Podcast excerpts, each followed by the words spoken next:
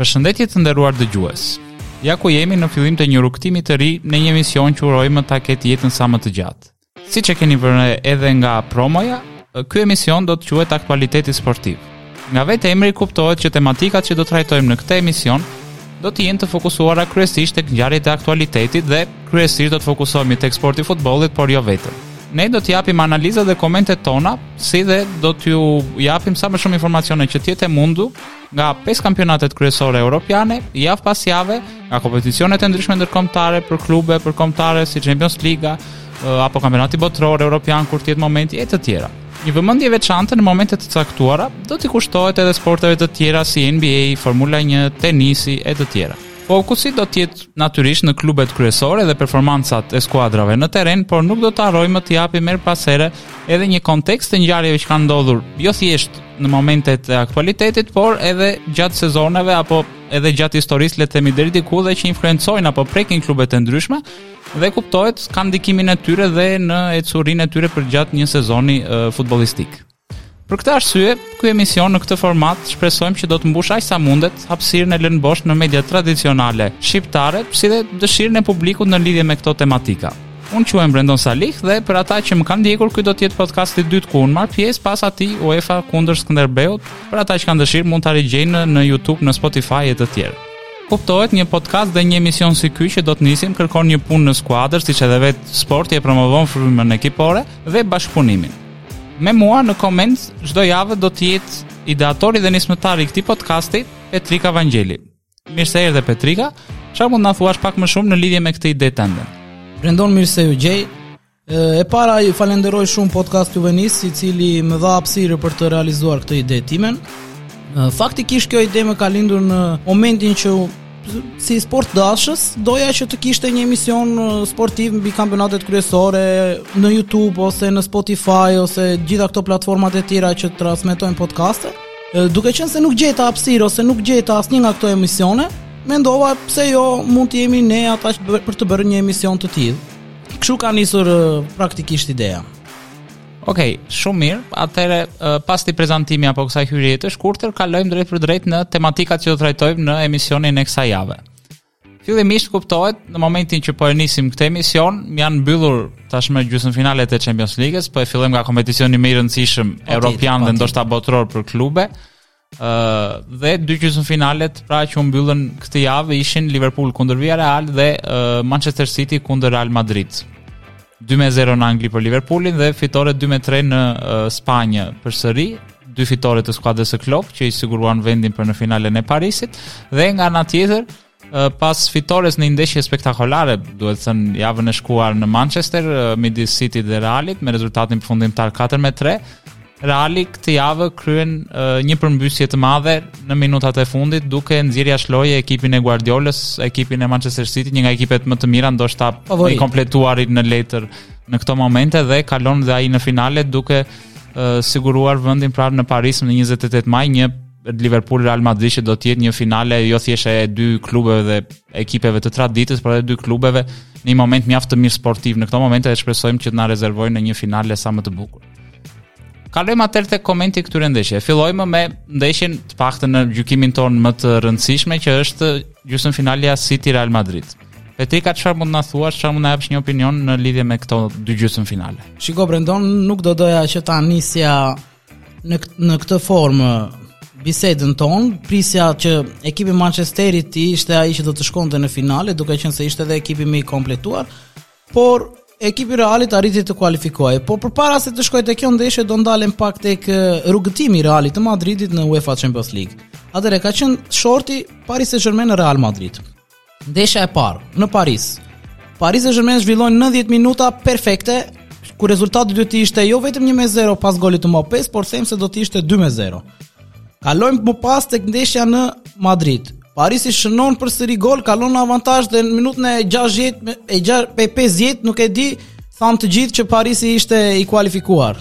Ndodh gabimi i Donnarumës, Benzema më pas është histori 3 gola, ka arritur të shënojë dhe ka kaluar ekipin e tij në në fazën tjetër. Më pas Reali përballet me një ekip si Chelsea i cili ishte shumë i i, i gjymtuar në ato momente pasi kupola drejtuese kishte problemet e saj dhe ndoshta nuk ishte Chelsea i vitit të kaluar dhe nuk ishte një Chelsea i cili do të bënte një rezistencë, por Chelsea në ndeshjen e parë e ka nisur shumë keq të themi atë që është dy gola të shpejtë, përsëri të Benzema, kalojnë Realin në në avantazh. Më pas, një gol i Kai Havertz ka dhënë pak shpresë për ekipin e Chelsea-t.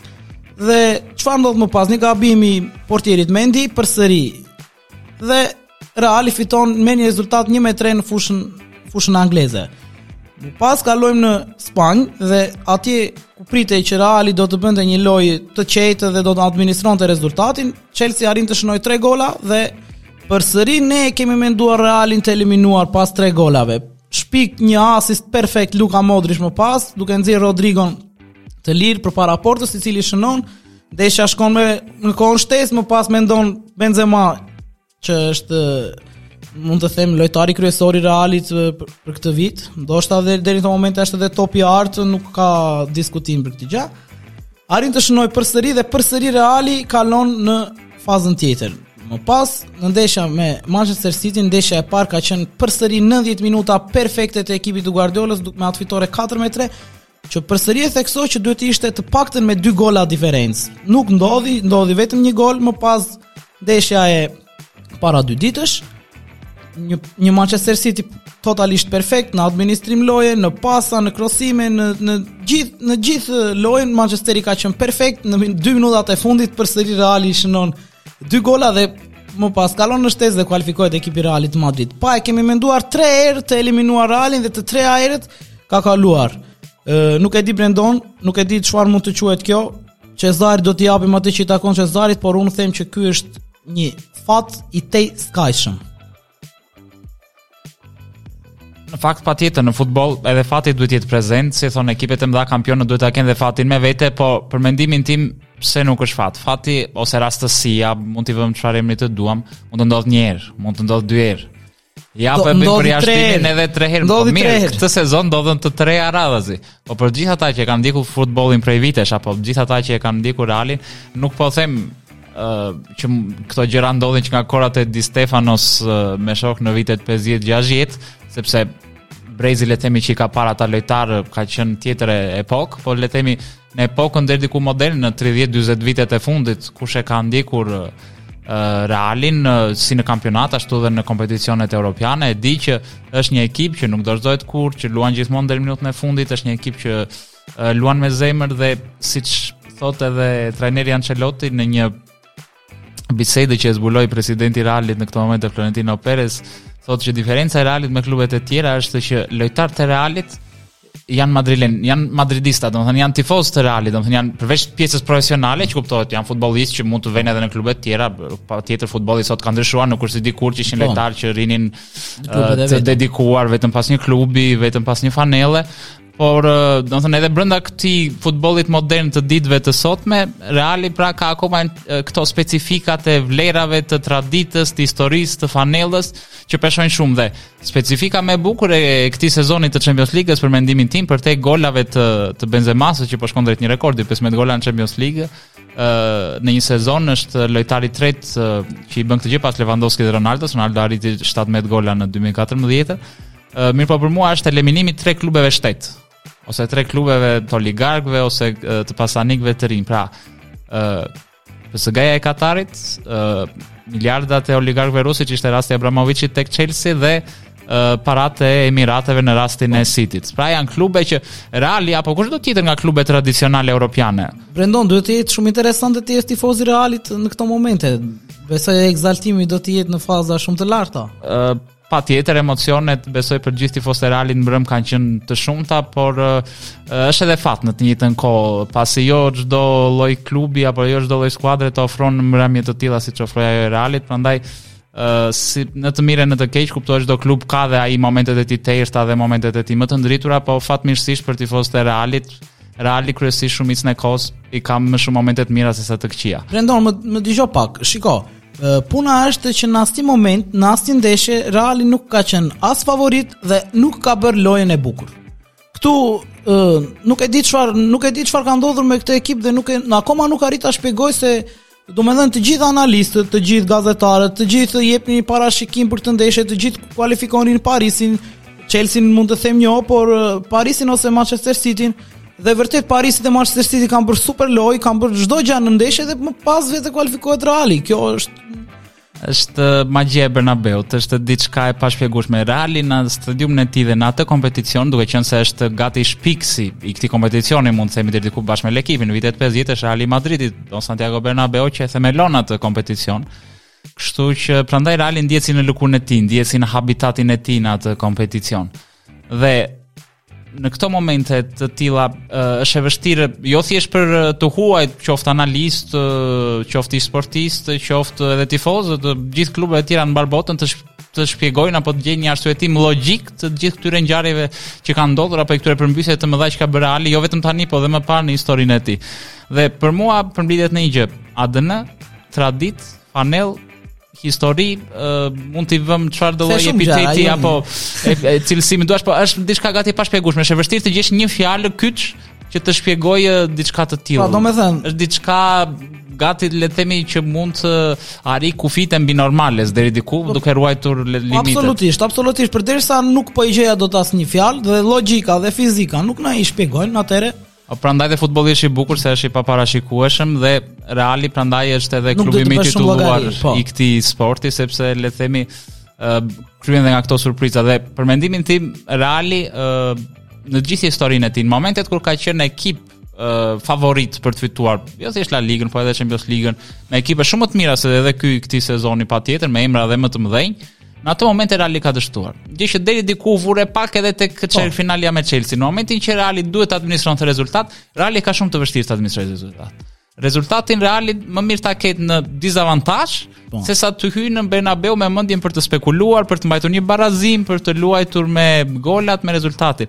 Reali nuk është ekip që le të themi di të luajë mbrapa, di të luajë në mbrojtjen atë. Është qartë. Dhe sidomos në Bernabeu në ndeshjet e dyta kur luan ndeshjet e kthimit në Kupat e Evropës në Champions League në këtë rast, uh, ai stadium ajo tifozeri domethënë e ka adrenalinë, e ka të nevojshme domethënë të ketë pak remontada brenda, të ketë uh, ndryshe nuk është e njëjta gjë, ndryshe atmosfera është e ftohtë dhe krahasohet fare mirë me PSG dhe me Chelsea, tifozët e pritën uh, ekipin jashtë, pritën autobusin, atmosfera qe e ndezur, kishte uh, goxha uh, reagime, dëshirë të madhe dhe nga tifozët dhe nga lojtarët edhe nga klubi kishte besim që ndeshjen e kaluar me City-n që kur mbaroi uh, ndeshja në Etihad, gjëja e parë që thanë gjithë lojtarët dhe stafi i Realit është që besojmë, besojmë, besojmë dhe do ta kthejmë ndeshjen e kthimit. Është diçka që është unike që e ka vetëm ai klub me gjithë respektin për klubet e tjera, secili ka historinë e tij të lavdishme, po Reali është unik në në këtë pjesë. Dhe prandaj në momentin që Reali nuk është favorit, siç nuk ishte këtë sezon, po dhe vetë tifozët e Realit mendonin që maksimumi ndoshta mund të luftonte për kampionatin dhe në Champions duke parë duke bërë në varësi të rivalëve që mund të bëjnë. Shiko, unë them këtë që tani Mirëpo kur nuk është favorit, për mendimin tim okay. Reali atëre uh, surprizon dhe atëre dhe kundërshtarët më superior në fushë, siç ishte rasti i PSG-së dhe i City-t apo dhe i Chelsea-t në ndeshjen e dytë në Bernabeu, atëre Reali arrin të kalojë. Shiko, unë them këtu tani që Në finale me Liverpoolin besoj se të gjitha këto që ti përmende do të bien poshtë. Për arsye sepse Jurgen Klopp dhe Liverpooli kanë bërë një sezon fantastik, duke mos toleruar asnjë kundërshtar, duke asfaltuar çdo gjë që i del përpara. Besoj se kanë marrë një mësim kaq të mirë me këto që kanë ndodhur, saqë besoj 90 minuta nuk do, mos të them edhe 120 sepse nuk i dihet. Nuk do arrijnë ta ulin në asnjë moment tempin e, e lojës dhe përdorin një shprehje këtej nga Shqipëria e mesme, mos gaboj, e, si cjapi te Kasapi dhe mendoj se mendoj se Reali tani shkon tek cjapi te kasapi, pasi përgatitja e ekipit anglez dhe forca e atij ekipi mendoj se do të arrijë ta ndalë këtë Këtë gjë që nuk po e shpjegojmë dot. Mbetet për të parë, 28 maj nuk është shumë larg, do e shohim finalen e Parisit. Reali me Liverpool janë dy klube të traditës. Ndryshe nga vitet e tjera është pak më shpejt finalja.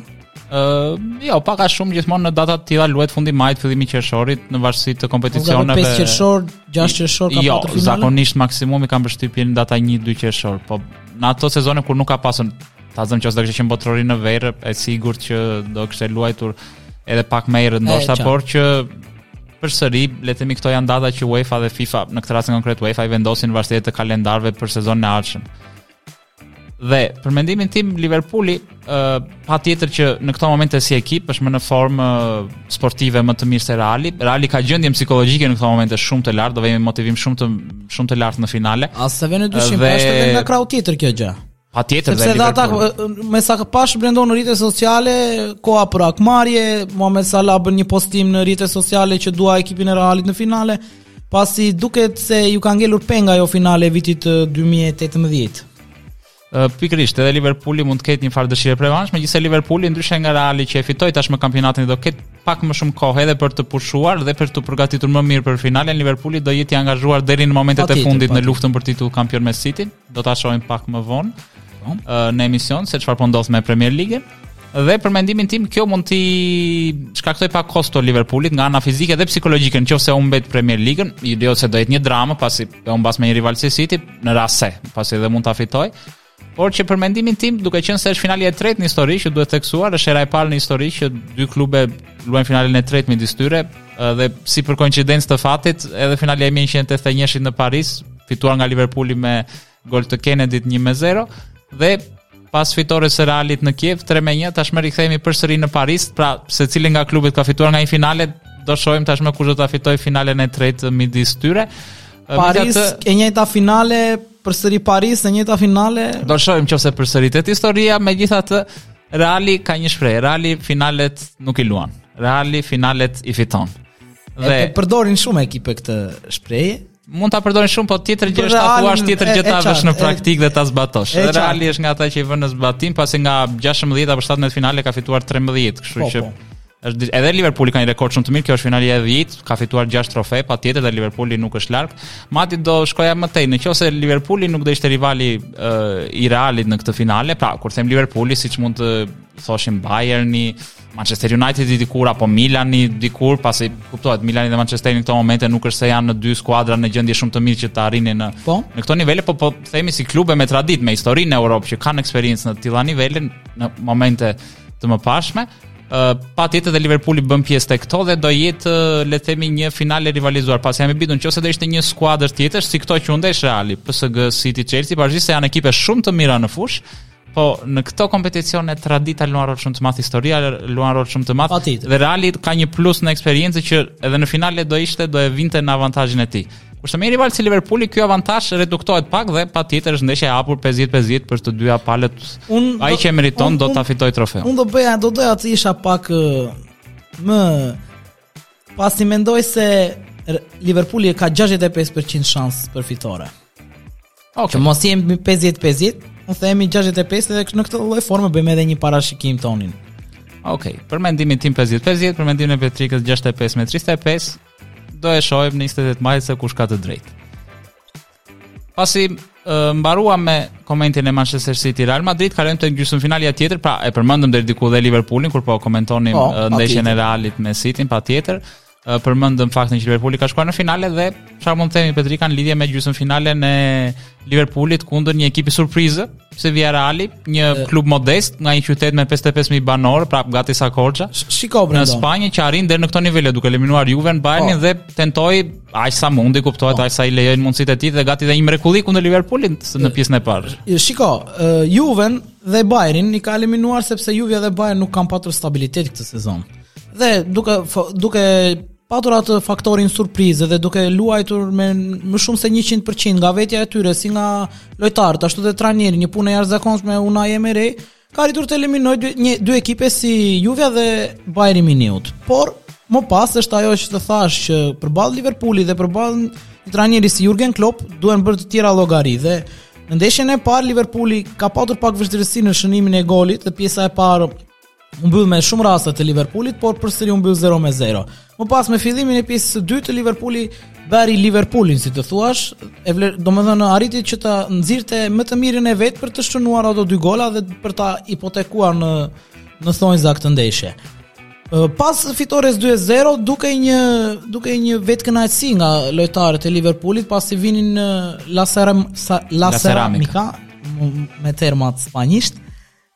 vinte shumë i qetë në këtë stadium dhe 2-0 thuajse ishte i kualifikuar, por aty presioni, domethënë, fusha, lojtarët, të gjitha, çdo gjë bëri që Villarreal të merrte atë atë prap atë elementi që ka patur në ndeshjet më përpara si me Bayernin ashtu dhe me Juventusin dhe arriti të shënonte dy gola. Por faktori i rëndësishëm i asaj ndeshje, e asaj ndeshje është që pas pjesës së parë Liverpooli dhe Jurgen Klopp bën bën Liverpoolin si të thuash dhe në këtë moment arrin Liverpooli të nxjerrë më të mirën e tij, arrin të shënojë një gol me Fabinho duke mposhtur portierin Ruli dhe më pas golat e Luis Diaz dhe Mane arritën që ta përmbysin ndeshjen pasi shuan atë si të thuash atë zjarrin që kishte Villarreal. Brendo më bën përshtypje fakti që përpara disa ditësh kur kemi diskutuar për ndeshjet, the që për portierin Ruli nuk ishte shumë deciziv. Nuk e dija këtë gjë, e dëgjova nga ty dhe e vërtetova në ndeshjen kundër Liverpoolit. Jo, e vërtetë, Ruli të paktën për mua që jam prej vitesh ndjekës i rregullt i po. kampionatit oh. spanjoll, që kur luante me Real Sociedadin, pasi është një portier argjentinas që ka luajtur atje më parë. Është një portier deri diku kapriçoz, le të themi që në momentet e caktuara mund të bëjë pritje shumë të vështira, ka reflekse, po. nuk është pasi normal që të luash në ato nivele. Njeriu i ndeshjes në ndeshjen kundër Juventusit. Patjetër, pra, prandaj po them, është portier me luhatje, që në momente të caktuara mund të bëjë ndeshje shumë të mira, mund të jetë shpëtimtar i ekipit, mund të shkëlqejë, pasi siç e thashë, është portier që ka reflekse, po për mendimin tim është një portier që e, nuk e thith topin, pra nuk e kap, nuk e zotëron mirë lojën si portier, përpiqet më shumë të grushtojë dhe të bazohet tek reflekset e tij, dhe deri diku dhe loja me këmbë që në Spanjë deri diku është traditë që portierët duhet të jenë pak më të aftësuar në krahasim me Premier Ligën apo me kampionate të tjera, megjithëse tashmë kjo puna e portierit në po, lojën me këmbë është përhapur ndërkombëtarisht, po le të themi në Spanjë ka qenë tradita më e hershme në lidhje me këtë pjesë. Dhe Ruli, uh, për mendimin tim që me Real Sociedadin uh, i viheshin re këto defekte, kishte herë pas here defekte në daljet në lojë në ajër, mm -hmm. kishte herë pas here defekte me gafa në momente të caktuara pra ato luhatje që po themi të rendimentit. Dhe këtë pjesën pra që shpjegova pak më sipër, që është një portier që përpiqet më shumë të grushtojë sesa të zotërojë topin, dhe që për mendimin tim këtu bëhet diferenca tek portierët e mëdhenj. U ndala pak tek tek portieri pasi duke lexuar në rrjete dhe tek të gazetat kryesore, ishte shkaktari kryesor që Villarreali pësoi atë kolaps në ndeshje. Pasi goli i parë ishte një pothuajse një gafë e tij, duke pranuar topin në mezin e këmbëve Dhe më pas përsëri nga Luis Diaz, e njëjta gjë, arriti ta kapte atë top dhe përsëri shkon në rrjet dhe dalja dalja në golin e tretë ishte domethënë totalisht 55% të gjithë fajit mendoj se ka qenë e portierit Ruli dhe prandaj u ndala pak te kjo. Gjithsesi, Liverpooli menaxhon lojën në pjesën e dytë dhe shkon në finale përballë ekipit të Realit ku Të thashë që përgatitja dhe rëndësia që Jurgen Klopp dhe ky ekip do t'i japin finales është tjetër gjë dhe mendoj se do të arrijë të mposhtë edhe atë elementin e pashpjegueshëm që po diskutoni pak më përpara për ekipin e Realit. Ë uh, Për mendimin tim do them dhe dy fjalë tani për ekipin e Villarrealit, një ekip simpatik, një ekip që tërë këto vite dhe përpara Unai Emeryt ka kryer një futboll teknik, një futboll sulmues në Spanjë, është nga ekipet më të mira le të themi të pjesës që synon Kupat e Europës, pra Europa League ose ndonjëherë ka zënë dhe vendin e 4, pra është ka hyrë në kampionat është në vend të 6. Për momentin është në vend të 7, për momentin është në vendin e 7. Po. Nëse përfundon në këtë pozicion do luaj Conference League sezonin e ardhshëm. Po kam përshtypjen Villarreali përfundoi në këtë në këtë pozicion në këtë sezon, pasi i kushtoi shumë rëndësi Champions po. League-s, po arrinte një një ëndër të të synuar dhe të dashur shumë, të gjithë besoj ose të paktën ata që janë ndjekës më të rregullt të futbollit mbajnë mend gjysmëfinalen e 2006-s, penalltia e famshme e Rikelmes po. me Arsenalin e pritur nga Lehmann në atë kohë, që mund ta çonte Villarrealin në finale. Ajo penallti Brendon në qoftë se do të ishte me rregullat e sotshme, ajo penallti ishte faull dhe duhej të ripërsëritej. sa penalti dhe sa raste të po, tilla do të po, përsëritur po, me atë këto janë momente që mbeten në histori dhe ajo penalti e Rikelmes nuk i ka dhembur vetëm tifozëve të Villarrealit në 2006 po kam përshtypjen edhe atyre që janë simpatizantë ose dashamirës të futbollit të këtyre ekipeve modeste që arrijnë në këto nivele të paimagjinuara për potencialin e tyre të gjithë le të themi në një moment kur këto ekipe humbasin këto ëndra siç rasti Leicester që do të vinë pra këto historitë e bukura domthonë të gjithë kanë një farë keqardhje në fund Megjithatë Villarreali është konsoliduar, domethënë këto 20 vitet e fundit në Spanjë, pavarësisht një rënie nga kategoria që pati para një dekade, arriti të rikthehet shumë shpejt dhe të jetë një ekip stabil, konstant, jo me shumë investime të mëdha, pasi nuk është një ekip që ka një buxhet shumë të madh, po arrin të menaxhojë shumë mirë burimet e tij dhe t'i vërë me efikasitet në fushë idetë e trajnerëve që ka marrë, që kanë qenë trajnerë me ide deri diku të mira për futbollin. Më pëlqejnë shumë dy lojtarët, qendër mbrojtësi Pau Torres, është një mbrojtës i cili ka rendiment shumë të mirë dhe besoj se është shumë i vlefshëm për në për të ardhmen, do ketë një karrierë të mirë besoj dhe si dhe sulmuesi kryesor Gerard Moreno, i cili ishte një nga lojtarët kryesorë të Spanjës në Europianin që lamë pas. E vërtetë, ka një miks shumë të mirë Villarreali midis uh, lojtarëve me eksperiencë, siç është uh, ish lojtari i Valencias, që ka qenë kapiten Dani Parejo, Raul oh, Albiol, që ka luajtur edhe me Real Madridin, me Napoli. Raul Albiol nuk ka bërë asnjëherë një sezon kaq të mirë sa ç'ka bërë. E vërtetë, ndoshta nga sezonet më të mira të karrierës. Me Napolin, me Realin, siç e the dhe ti, dhe ka qenë rezervë, mos gaboj. Me Realin po, me Napolin pastaj pak më ndryshe, pasi luajti më shumë, por në Realin ato vite. Po, një me Kulibali, po, po, ishte po. më e vështirë të luaje titullar tek Reali në ato vite. Dhe meqenëse ishim tek portieri, ta mbyllim me portierin Sergio Asenjo, portieri titullar i Realit i Villarrealit prej vitesh, ka qenë një portier që për mua unë kam pasur shumë simpati, një portier me reflekse shumë të mira, që në këto momente kishte edhe eksperiencë, por dëmtimet e shumta dhe të rënda në fakt që ka pasur dëmtime me ligamentet, dëmtime të tjera serioze që për një portier deri diku nuk duhet të kishin ndodhur kaq shumë. ia cenuan karrierën dhe në këto momente le të themi ai vazhdon të luajë, por është thjesht rezervë, nuk Ndeshja e fundit që ka luajtur mos gaboj ka qenë finalja e Superkupës përballë Chelseat. Sergio Asenjo ka qenë portieri titullar.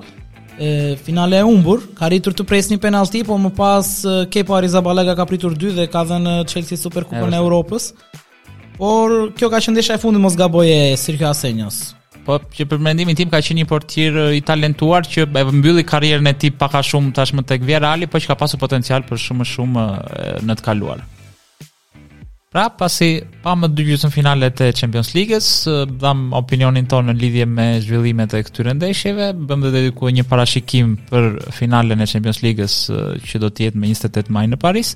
Kalojmë tek komenti i kampionateve ashtu siç kemi premtuar i pesë kampionateve kryesore në Europë. Fillojmë nga një nga kampionatet më të mira ose më i miri në realitet, më i ndjekuri deri diku pa diskutim në botë që është Premier Liga angleze, një kampionat spektakolar me ritëm, me fizik, me stadiume që mbushen gjithmonë plot. Mendoj se nga niveli i prodhimit të lojës Premier Liga është e, një nivel me UEFA Champions League. Duke parë që dhe në qoftë se do të kalonte ekipi i Manchesterit në finale, Manchester Liverpool beteja në Premier. Manchester Liverpool në qoftë se do të ishte dhe finale, atëhere pa diskutim që Premier Liga është një kampionat i cili nuk ka nevojë për shumë fjalë, pasi është një nivel me UEFA Champions League. Për mendimin tim, kjo është ajo që konstatoj.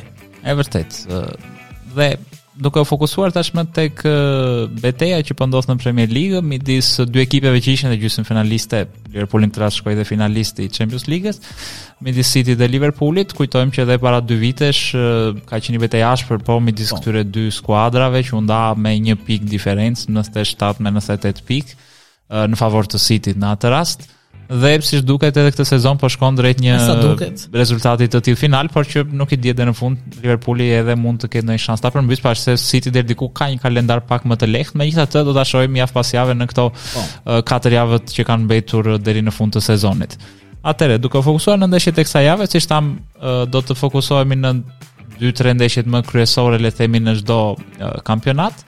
Fillojmë me ndeshjet e kësaj jave në Premier League, City Newcastle dhe Tottenham Liverpool, pra dy ndeshjet kryesore ku luajnë dhe dy rivalet për titull. Çfarë mund të themi për këto dy ndeshje Petrik? Shiko, mendoj se ndeshja Tottenham Liverpool është ajo e cila që do të vendosë shumë gjëra në këtë sezon, pasi Tottenhami i Antonio Contes ka arritur që të kapë disa herë vendin e katërt në Premier League, por Arsenali edhe pse ka bërë një një sezon luhatës, arriti, është pozicionuar në vendin e katërt, vend i cili të çon në UEFA Champions League.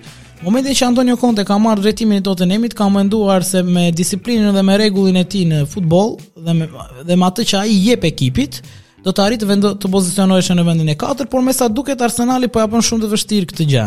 Ëm, duke qenë se kjo ndeshje vendos ashtu si vendin e katërt, vendos dhe titullin, presioni është shumë i lartë si për Tottenhamin ashtu dhe për Liverpoolin dhe një gabim një një gabim i vogël do të kushtonte ose humbjen e kampionatit ose vendin e katërt dhe të dyja ekipet besoj se do të vinë në një, një ndeshje të ekuilibruar, do të ketë shumë vështirësi Liverpooli për të marrë 3 pikët, por këtë ndeshje e shikoj deri diku në një barazim i cili ky barazim ndoshta mund të kënaqte më shumë ekipin e Manchester Cityt. Sigurisht që dhe një fitore e Tottenhamit, por Liverpooli ka marrë shumë hov pas fitores me Villarrealin dhe pas kalimit në, në finalen e UEFA Champions League-s. Është shumë e vështirë për ta parashikuar, pasi është një ndeshje që do të ketë ekuilibër në fushë dhe do të vendosë shumë shumë ngjarje të këtij sezoni në Premier League.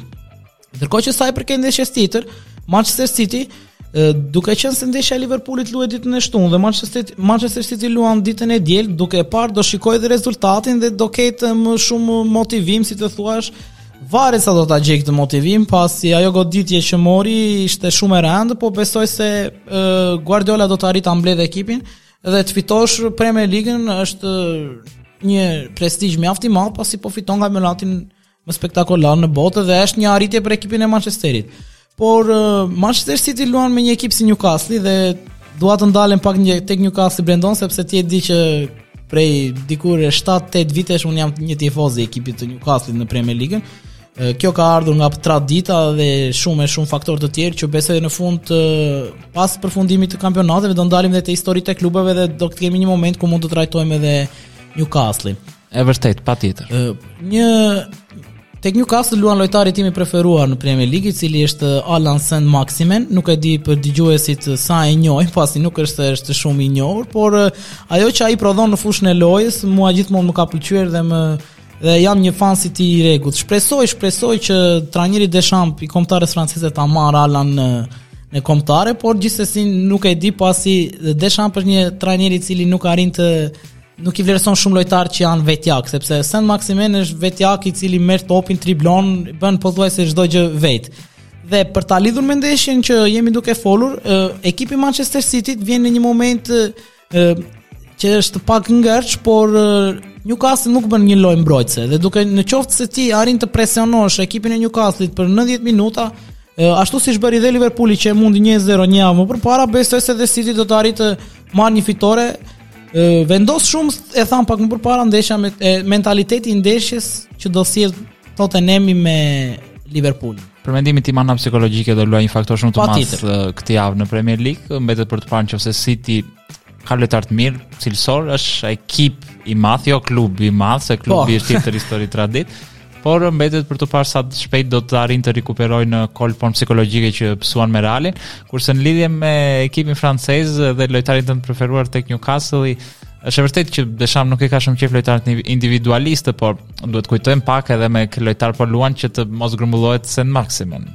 yjet që ka Franca në mesfushë dhe në sulm janë të panumërt dhe Nuk më pëlqen kjo që the, është po një ekip është një ekip kombëtar në këto momente ndoshta më cilësori në botë, kështu që Sen Maximen mund të jetë lojtar shumë i mirë, kjo nuk ja ul vlerat atij, por në këto momente nuk i vjen radha besoj. Shiko, pa dashur të dalim nga biseda, ka qenë një moment ku Franca ka ka vuajtur për shënimin e golave dhe Sen Max dhe mungesa e Dembeles, dëmtimi i Dembeles solli problem për ekipin francez, pasi një lojtar i cili në minutën e 70, i cili ka aftësinë që të marrë gjithë ekipin përpara për të nxjerrë një asist ose për të shënuar një gol, ai u dëmtua.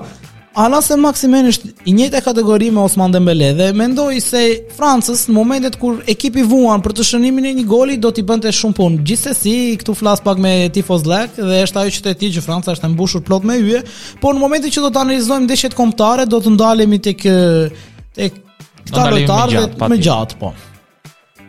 Shumë mirë, atëre kalojmë tek dy duelet e tjera pas uh, dy ndeshjeve që përmendëm në luftën për titull, uh, Chelsea kundër Wolverhampton dhe Leeds ose Arsenal më saktë kundër Leeds United. Chelsea është 3 pikë përpara mos gaboj ekipit të Arsenalit dhe duket sikur e ka më të thjeshtë kalimin në sigurimin e vendit të tretë dhe kalimin në Champions League dhe Besoj se Chelsea brenda fushës së vet dhe pse është një moment shumë të vështirë, do të arrijë që të marrë 3 pikë përballë ekipit të Wolverhampton, ndërkohë që Arsenal luan me një ekip si Leeds, një ekip i cili ashtu si Newcastle nuk bën lojë mbrojtëse, por është një ekip që kërkon gjithmonë të sulmojë, të sulmojë dhe pse jo edhe të shënojë gol.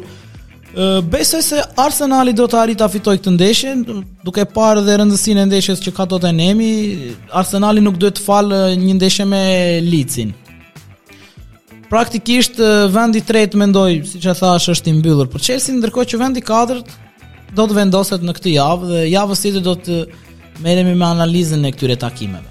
E vërtet. Kurse Manchester United, fatkeqësisht për tifozët e tij që deri diku në Shqipëri apo në trevat shqiptare le të themi janë të shumtë, është një po. klub me traditë gjithashtu, por kam përshtypjen që kur e la Sir Alex atë klub nuk është më i njëjti dhe vërtet është ka pasur vështirësi të mëdha në menaxhim me trajnerët, me lojtarët, probleme të brendshme dhe rezultatet janë shumë shumë larg emrit të Manchester United. Është vërtet është. Kjo Manchesteri ka Dhe siç duket edhe këtë sezon do dështojë në po, kapjen po, e po. Champions League-s. Ka disa sezone që po është në një situatë, madje u mendua që sivjet me ardhjen e Ronaldos dhe me atë grup që po ta shikosh ekipin e Manchesterit ka një grup lojtarësh të të kompletuar në çdo repart, mirëpo uh, ato gafat pa fund të um, Harry Maguire dhe gjithë mbrojtjes së Manchesterit, sulmi Bruno Fernandes humbet penallti decizive, nuk e le të gjuajë Ronaldon, një kaos total në menaxhim, ndërrimi i trajnerit siç ndodhi pak më përpara dhe ka bërë që ekipi i Manchester United të jetë këtu ku është dhe thuajse është larg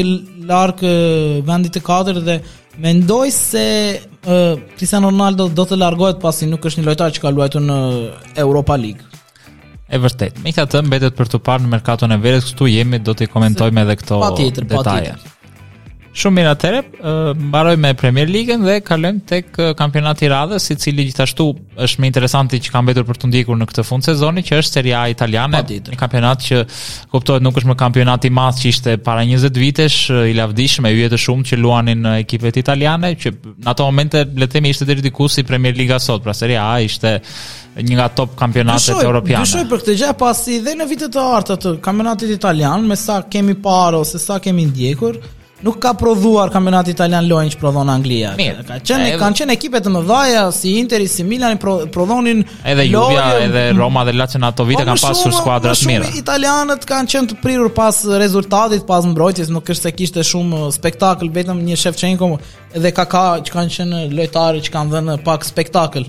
Nuk ka qenë në nivelin e Premier Ligës. Ju vjen mirë, s'ju vjen mirë tifozëve italianë dhe të Serie A, nuk, domethënë dhe në kulmin e vet nuk ka qenë në nivelin e Premier Ligës. Unë kshu e konceptoj. Patjetër janë mendimet tona personale, gjithsecili mund të ketë një mendim të ndryshëm nga joni, është më se normale, është çështje shijesh. Kalojmë tek ndeshjet e kësaj fundjave në Serie A, tek dy rivalet për titull, pasi siç e dimë, lufta për zonën europiane, më saktë për zonën Champions matematikisht është mbyllur, Napoli dhe Juventusi e siguruan vendin e 3 dhe të katërt. Rivalet e tjera që mund të ishin si Roma, si Atalanta, si Lazio janë shumë larg tashmë. Po, po. Dhe le të themi i vetmi mister përtej zonës kush do të zërë le të themi midis Fiorentinës, Lazios apo Atalantës kualifikimin për në Europa League apo për në Conference League, përtej dhe finales së Kupës së Italisë, Juventus Inter që ka mbetur për t'u zhvilluar po, në fund të sezonit. Po. Patjetër, një nga ndeshjet kryesore të kampionatit italian, tradicionalisht. dhe që do ta komentojmë kur të vijë momenti, duke u fokusuar tek ndeshjet e kësaj fundjave, kemi ndeshjen Verona Milan, ku Milani kryesues ka një transfertë në dukje të lehtë, por që mund të jetë deri diku e komplikuar. Mos gaboj në këto momente që flasim Inter është duke luajtur me ekipin e Empolit, po për t'u ndalur tek kjo. Vërtet dhe tek kjo ndeshje mendoj se Interi brenda fushës pas atij gabimi që ndodhi javën e një javë më përpara, Besoj se ka arritur që ta mbledhë përsëri ekipin dhe besoj se Interi do të arrijë të mundë ekipin e Empolit. Ishte ajo gafa e portierit. Është vërtet me Bolonjën po, e portierit rezervë. Shiko, deri në atë moment unë e shikoja Interin si favoritin kryesor. Dhe vërtet Interi mund të jetë favoriti kryesor, por uh, ajo që i ndodhi, ajo humbje e papritur në atë lloj forme është uh, mentalisht uh, lë pasoja Dhe Milani ka arritur të fitojë një fitore shumë të vuajtur me ekipin e Fiorentinës, vetëm një gabim i portierit në minutën e 83 mos gaboj Leao ka arritur të shënojë. Edhe dhe ka arritur që të që ta vërë përsëri përpara gjendjen aktuale të momentit dhe duke qenë se ka arritur edhe vendin e parë në tabelë, Milanin e shikoj shumë më të motivuar për të mbajtur, pasi një duel Milan Inter kishte shumë vite që nuk e shikonim në skenën e kampionatit italian. Më pas për t'u ndalur tek ndeshja e Milan Verona do të vendoset ashtu siç në Premier League përmendëm që duhet që vendos ndeshja Tottenham një ditë më përpara, ashtu dhe ndeshja si do të dalë tani para pak pas Pak minutash që përfundon. Interi ashtu Milani do të ketë atë motivim dhe atë kurajo për ta fituar ndeshjen pasi në qoftë se Inter merr fitoren, duhet patjetër një fitore e ekipit të Milanit dhe pse luan me një ekip bezdisësh në kampionatin italian si Verona që merr iu ka marrë pikë pothuajse të gjitha ekipeve top tabel. E vërtetë. Megjithatë për mendimin tim, uh, Interi në nisje të sezonit përtej faktit që ishte kampion në fuqi, pavarësisht largimeve që pësoi të trajnerit, uh, të lojtarëve kryesorë, uh, sezonin e kaluar, siç ishte Hakimi, siç ishte Lukaku, uh, dhe që i dhanë një rendiment deciziv në garën për titull vjet, po përsëri kundër Milanit, për mendimin tim, Milani pavarësisht se nuk ka rozën le të them atë stofin e gjerë në stol, siç po. mund të ketë Interi, pra më shumë letra, ka më shumë alternativa. Deri diku edhe pak më shumë eksperiencë Interi në krahasim me Milanin në këtë moment si po, skuadra po, po, po flasim. Uh, për mendimin tim di, diferencën ose ajo që do të jetë decizive në këto çaste do të jetë se sa uria apo dëshira e madhe që do të kenë po, kjo skuadra e re e Milanit për t'u po rikthyer tek trofeu pas 10 vitesh, për të rikthyer edhe një herë Scudetton, do të jetë decizive, le themi sa do të arrijë dëshira e tyre të tejkalojë këtë mungesën e eksperiencës apo ato emocionet negative në një momente të tilla pra decizive që një skuadër e tillë mund të ketë që mund të lëshojë pikë. përtej pastaj kuptohet edhe rrethanave të ndryshme pastaj që mund të influencojnë, por që kam përshtypjen që le të themi Milani në këto momente që flasim e ka në dorë vetë. Pra nëse do humbasë titullin, do humbasë për fajin e tij, do e humbasë nga këmbët e tij pasi po. gjëja le të themi që më e mirë që mund të dëshirojë një skuadër apo një klub në ditët e sotme, por besoj ka qenë kështu në shumicën e historisë së futbollit është që fatin e saj ta vendosë vetë, pra ta ketë në këmbët e saj, të mos varet nga rezultati i kundërshtarit. Po. Në këto momente që flasim për fatin e Milanit në këtë rast, për fatin e tyre të mirë, varet nga varet nga këmbët e tyre. Megjithatë, siç thamë, do të varet pra nga ky aspekti emocional psikologjik që nga një herë është kështu si i padukshëm, duket sikur nuk ka peshë të madhe në krahasim me taktikën dhe teknikën, por që ka në rastin konkret peshë të madhe në në rastin e kampionatit italian, në rastin e duelit më saktë Milan Inter në këtë moment. Shiko që për ta mbyllur këtë diskutim, Brendon, në qoftë se Bologna nuk do të arrinte të fitonte mundte Interin dhe Interi të ishte në majë të tabelës unë do të shikoja një Milan shumë herë më të motivuar për të marrë, për të marrë rezultatet, por tani që ata janë përpara, tani ndoshta është rritur më shumë presioni dhe mundet të ketë edhe pak gabime, por që mendoj se është ajo që the ti që sa të aftë do të jenë të arrijnë të marrin pikët në vazhdim. Dhe pse Milani mendoj se ka pak më të vështirë kampionatin se Interi në një deri diku po, kalendari, po, po, është e vërtetë. Ka më shumë ekipe të bezditshme, sepse tani ato që do të marrin pikë janë ekipe të bezditshme, nuk ka më llogari të mbyllura llogari të hapura në kampionatin italian. E vërtetë. Pra siç po thoshim, uh, Milani në këto momente le të themi mund të jetë uh, me kalendarin pak më të vështirë në raport me Interin, madje unë besoj që në ekipet që i kanë mbetur, pra Atalanta, Sassuolo dhe Verona, uh, Atalanta dhe Sassuolo që deri diku le të themi luajnë për një farë objektiv ose janë ekipe le të themi që mundohen brenda limiteve mundësive të tyre patjetër të luajnë një futboll më të hapur seç është tradita le të themi deri diku po. në kampionatin italian, pasi ka ekipe që fokusohen vetëm te ruajtja e atij barazimit, të bëjnë atë lojën e tyre taktike po, dhe pati. mundohen të nxjerrin ndonjë gol edhe të marrin thjesht pikët rezultatin dhe nuk ju intereson më pas loja e bukur apo të kenë rendiment edhe në këtë aspekt. Dhe prandaj them që deri diku ndeshje më kurth për Milanin do të jetë Verona sesa këto që mbeten. Edhe unë kështu mendoj siç të thash, pasi është një ekip i cili nuk di të tolerojë ose nuk di të ul rendimentin. Ata luajnë gjithkohës me të njëjtin fokusim me të, me të njëjtin ritëm loje.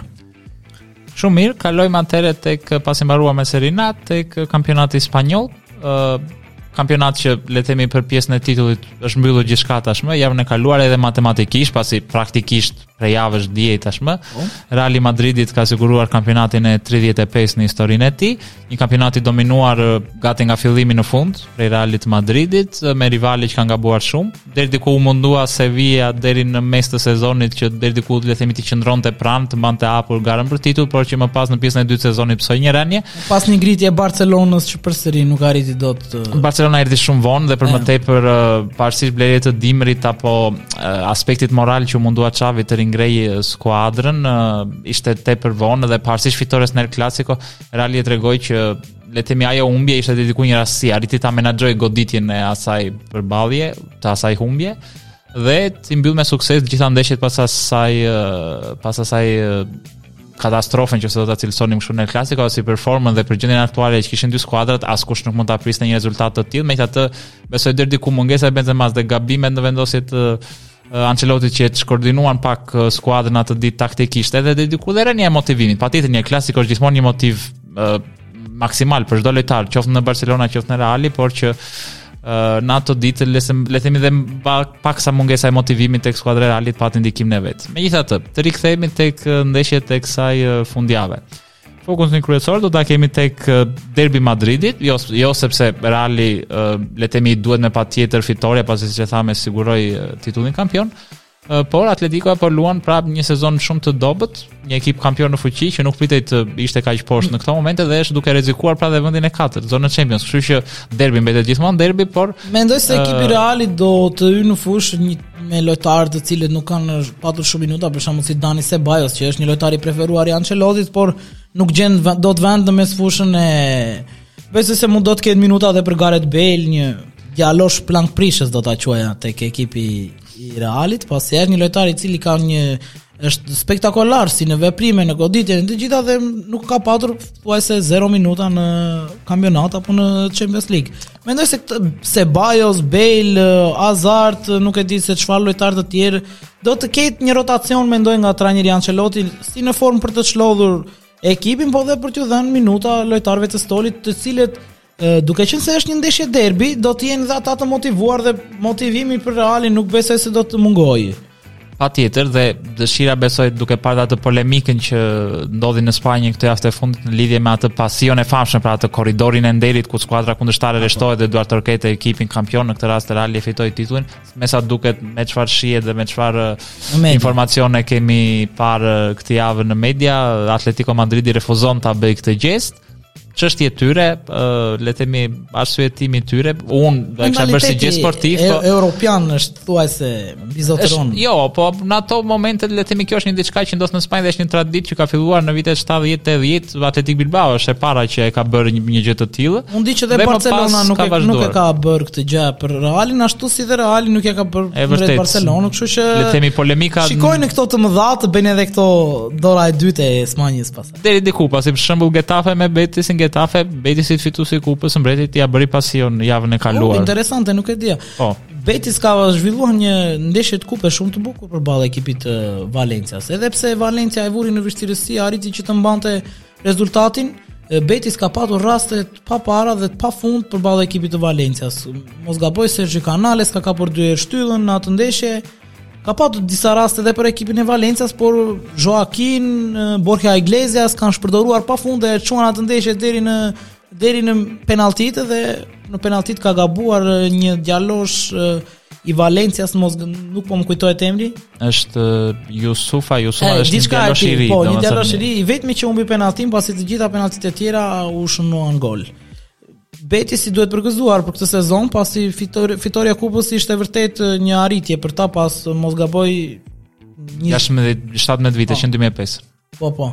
Domethënë, Joaquin ishte pjesëmarrës në atë ndeshje dhe Joaquin ngre përsëri trofeun në... Në moshën 41 vjeçare dhe për më tepër tha që do vazhdojë dhe sezonin e ardhshëm, që është diçka shumë e rrallë. Le të luajë edhe tre sezone të tjera në qoftë se kam... është një personazh shumë simpatik në Spanjë, po, Joaquin, për këtë, po, për këtë, po, edhe shaka në rrjetet sociale, po. është një personazh goxha Tiv dhe Mos gaboj, është tifoz i Realit të Madridit. Ë, le të themi, është një tentativë e dështuar, le të themi, një ëndërr e tij për të transferuar dikur tek Reali, këtu po flasim në vitet 2000, po? por që nuk u materializua kurrë dhe më pas karriera e tij vazhdoi në në klube të tjera.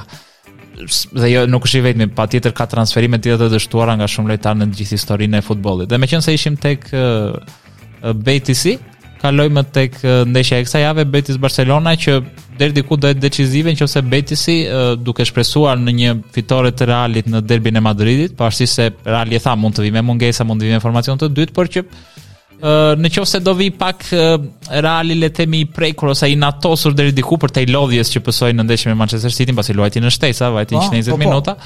Uh, në qoftë se Reali do të përtej motivimit normal të një derbi do të ketë pak atë inatin meqenëse nuk i bëri Atletikoja pasion ose që ta nxjerrë Atletikon jashtë Championsit Betisi këtu mund përfitoj pasi rikujtojmë që ndeshja e fundit e kampionatit është Real Madrid Betis dhe në qoftë se do jetë në dorë të Realit mbetet për t'u parë si do sillet Reali në raport me kualifikimin në Champions po. të këtij sezoni. Ka ta skenare po që besoj se Barcelona do të bëj Barcelonën dhe do të arrijë ta mposhtë ekipin e Betisit për të siguruar atë vendin e dytë, i cili për ekipin katalanas është arritje në këtë sezon pas gjithë atyre kalvar vuajtjesh që kaluan si nga eliminimi në Champions League, luajtja në Europa League, eliminimi nga Frankfurti, humbjet e njëpasnjëshme 13 pikë larg ekipit të Realit të Madridit gjatë gjithë kohës, Dhe Besoj se Barcelona ka arritur një fazë e cila tani është duke menduar për sezonin e ardhshëm dhe këtu Xavi bën ato tentativat e tij për të parë se kush lojtar do do të vazhdojë me këtë ekip apo kush lojtar do të largohet. Besoj se Barcelona do ta kalojë Betisin me një fitore Edhe pse do të jetë e vështirë, besoj se Barcelona do ta fitojë këtë ndeshje. Mbetet për t'u parë pasi Betis në fushën e tij është një ekip që luan fort, megjithatë do të shohim se si do të dalë rezultati këtë fundjavë. Në këto janë dy ndeshje decisive në Spanjë që dhe këto janë de, vendosin shumë sa i përket që këtë fundjavë luan me Villarrealin që kuptohet do të ketë marrë një kolpo të rëndësishme nga eliminimi në Champions League me Liverpoolin, pavarësisht se tifozeria e Villarrealit dhe klubi vetë ishin të kënaqur me arritjen deri në këtë Atitër, po. në këto momente, nuk besoj se do të jetë një dramë shumë e madhe për ta, megjithatë mbetet për t'u parë se si do të reagojnë në fushë kundër Sevillas, ndërkohë që Villarreali ka nevojë për pikë, pasi do le të themi do mundohet brenda sa ia lejon matematika të kap Europa Ligën, të mos luajë në vendin e 7 në Conference League sezonin tjetër, Ndërkohë është ndeshja tjetër Atletik Bilbao Valencia ku Atletik Bilbao ka mundësinë e fundit për të fituar dhe për të tentuar të kapur atë vendin e 7 që të luajë kompeticionet europiane. Më duket shumë e vështirë. Bilbao ka bërë dhe, dhe Bilbao nuk ka bërë një sezon shumë të mirë, me humbje me barazime me një lojë jo shumë të mirë. Ka vuajtur shumë mungesën e një sulmuesi referencë këtë po. sezon, ka bërë shumë barazime, sidomos në shpinë e saj ka lënë shumë pikë. Po. Kurse Valencia, siç e thamë, finalistja e kupës që këtë sezon dhe ajo Gjithë shpresa i kishte te kupa. E ka pasur po të vështirë të kap kupat e Europës për shkak se vitet e fundit presidenti i saj që më shumë le të themi ka shitur se sa ka afruar lojtar në skuadër, po. e çmontoi një ekip që me Marcelinon dhe Mateo Alemany drejtorin sportiv që tashmë është tek Barcelona para dy vitesh fitoi Kupën e Mbretit, u kualifikuan në Champions dhe kishte pretendime pse jo të qëndronte në ato nivele, mirëpo Fatkeqësisht për tifozët e Valencias, le të themi planet nuk shkuan ashtu siç ata mbase kishin ëndërruar dhe këtë sezon dhe planet për sezonin e ardhshëm le të themi pas kësaj humbje në Kupën e Mbretit janë deri diku të frikshme pasi flitet që mund të largohen edhe disa lojtarë tjetër kryesor dhe Valencia mund të jetë në rrezik të madh sezonin e ardhshëm. Po kam dëgjuar që mund të largohet uh, Gonçalo Guedes, i cili është lojtari kryesor i ekipit. Edhe Carlos Soler, ndoshta po, dhe Gaya, këtë sezon ose tjetrin pasi janë dhe drejt fundit të kontratës, është, mund të mos rinovojnë, kështu që mbetet për t'u parë. Alternativa dhe për t'iu bashkuar ekipit të Barcelonës, por që mbetet për t'u parë se çfarë do nxjerr, do ndodhë në verë dhe ne do të jemi këtu për të analizuar çdo lëvizje që mund të sjellë merkatoja. Ok, atëherë këto ishin komentet që kishim le të themi për këto kampionate që janë deri diku, jo vetëm ende në zhvillim, por le të themi që kanë edhe ngjarjet më kryesore për të komentuar nga pesë kampionatet kryesore. Ndërkohë, mund të themi dy fjalë tashmë edhe për dy kampionate të tjera që praktikisht janë mbyllur tashmë dhe matematikisht kuptohet prej prej disa javësh që është kampionati francez ku PSG-ja fitoi titullin e 10 në historinë e saj, barazoi Saint Etienne-in. Megjithatë duket që drejtuesit e PSG-së nuk i hyn më në sy, madje edhe tifozët e PSG-së pas traumës që pësuan me Real Madridin këtë sezon në Champions League, gati gati nuk e festuan kampionatin dhe nuk vunë as yllin në fanellë, duke pretenduar drejtuesit e Katarit që flitet që sezonin e ardhshëm ndoshta do fillojnë pas botërorit të ulin dhe investimet, ndoshta PSG-ja nuk do ketë më këtë mundësinë apo këtë luksin të shpenzojë kaq pafund, pasi ndoshta sheiku është mërzitur pasi në fund fundit për ta është një lodër ai klub, nuk është se ka ndonjë lidhje speciale, është një pronë, një lodër që për ata hiq një lodër me një lodër tjetër, për ata është diçka e thjeshtë, nuk është siç mund ta ndjejnë tifozët ta zëmë e Parisit.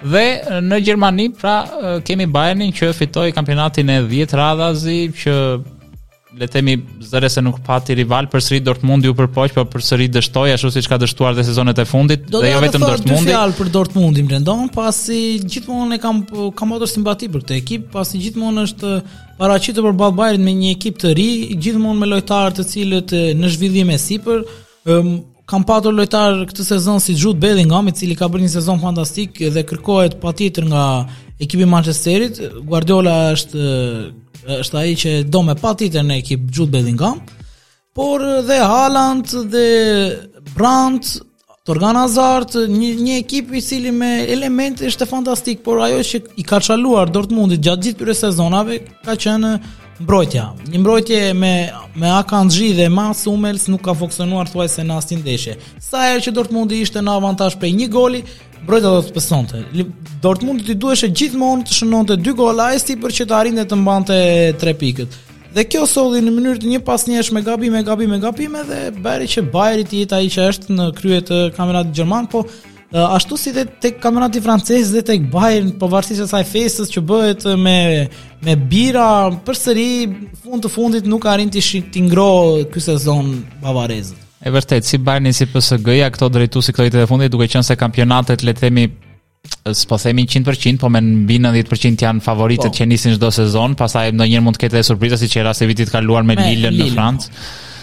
mirëpo duke qenë se le të themi kampionatin e kanë bërë pak a shumë si detyrë shtëpie këto jo. klube, sidomos Bayerni që është një klub me traditë në Europë, një klub historik ndihen të dështuara në momentin që nuk arrijnë të fitojnë Champions League ose të paktën të arrijnë deri në fazën gjysmëfinale ose finale, po. ndjejnë një dështim shumë të madh në brendësinë e tyre. Shpresoj që në vitin tjetër ekipi i Dortmundit të arrijë të ketë një kualitet si në lojë ashtu dhe në rezultat, pasi vetëm kualiteti në lojë pa marrë rezultatin i ka çuar këtu ku janë në vend të dytë edhe sa i përket bet betejës në në Champions është një betejë vazhdon të jetë betejë e hapur midis Leverkusen, Freiburg, disa ekipe që kanë ngelur aty me ku lëvizin me 2 3 4 pikë, por në javët në vazhdim do të ndalemi dhe tek Bundesliga për të parë se kush do të jetë katërshja që do të kompletojë kalimin në UEFA Champions League për vitin e ardhshëm.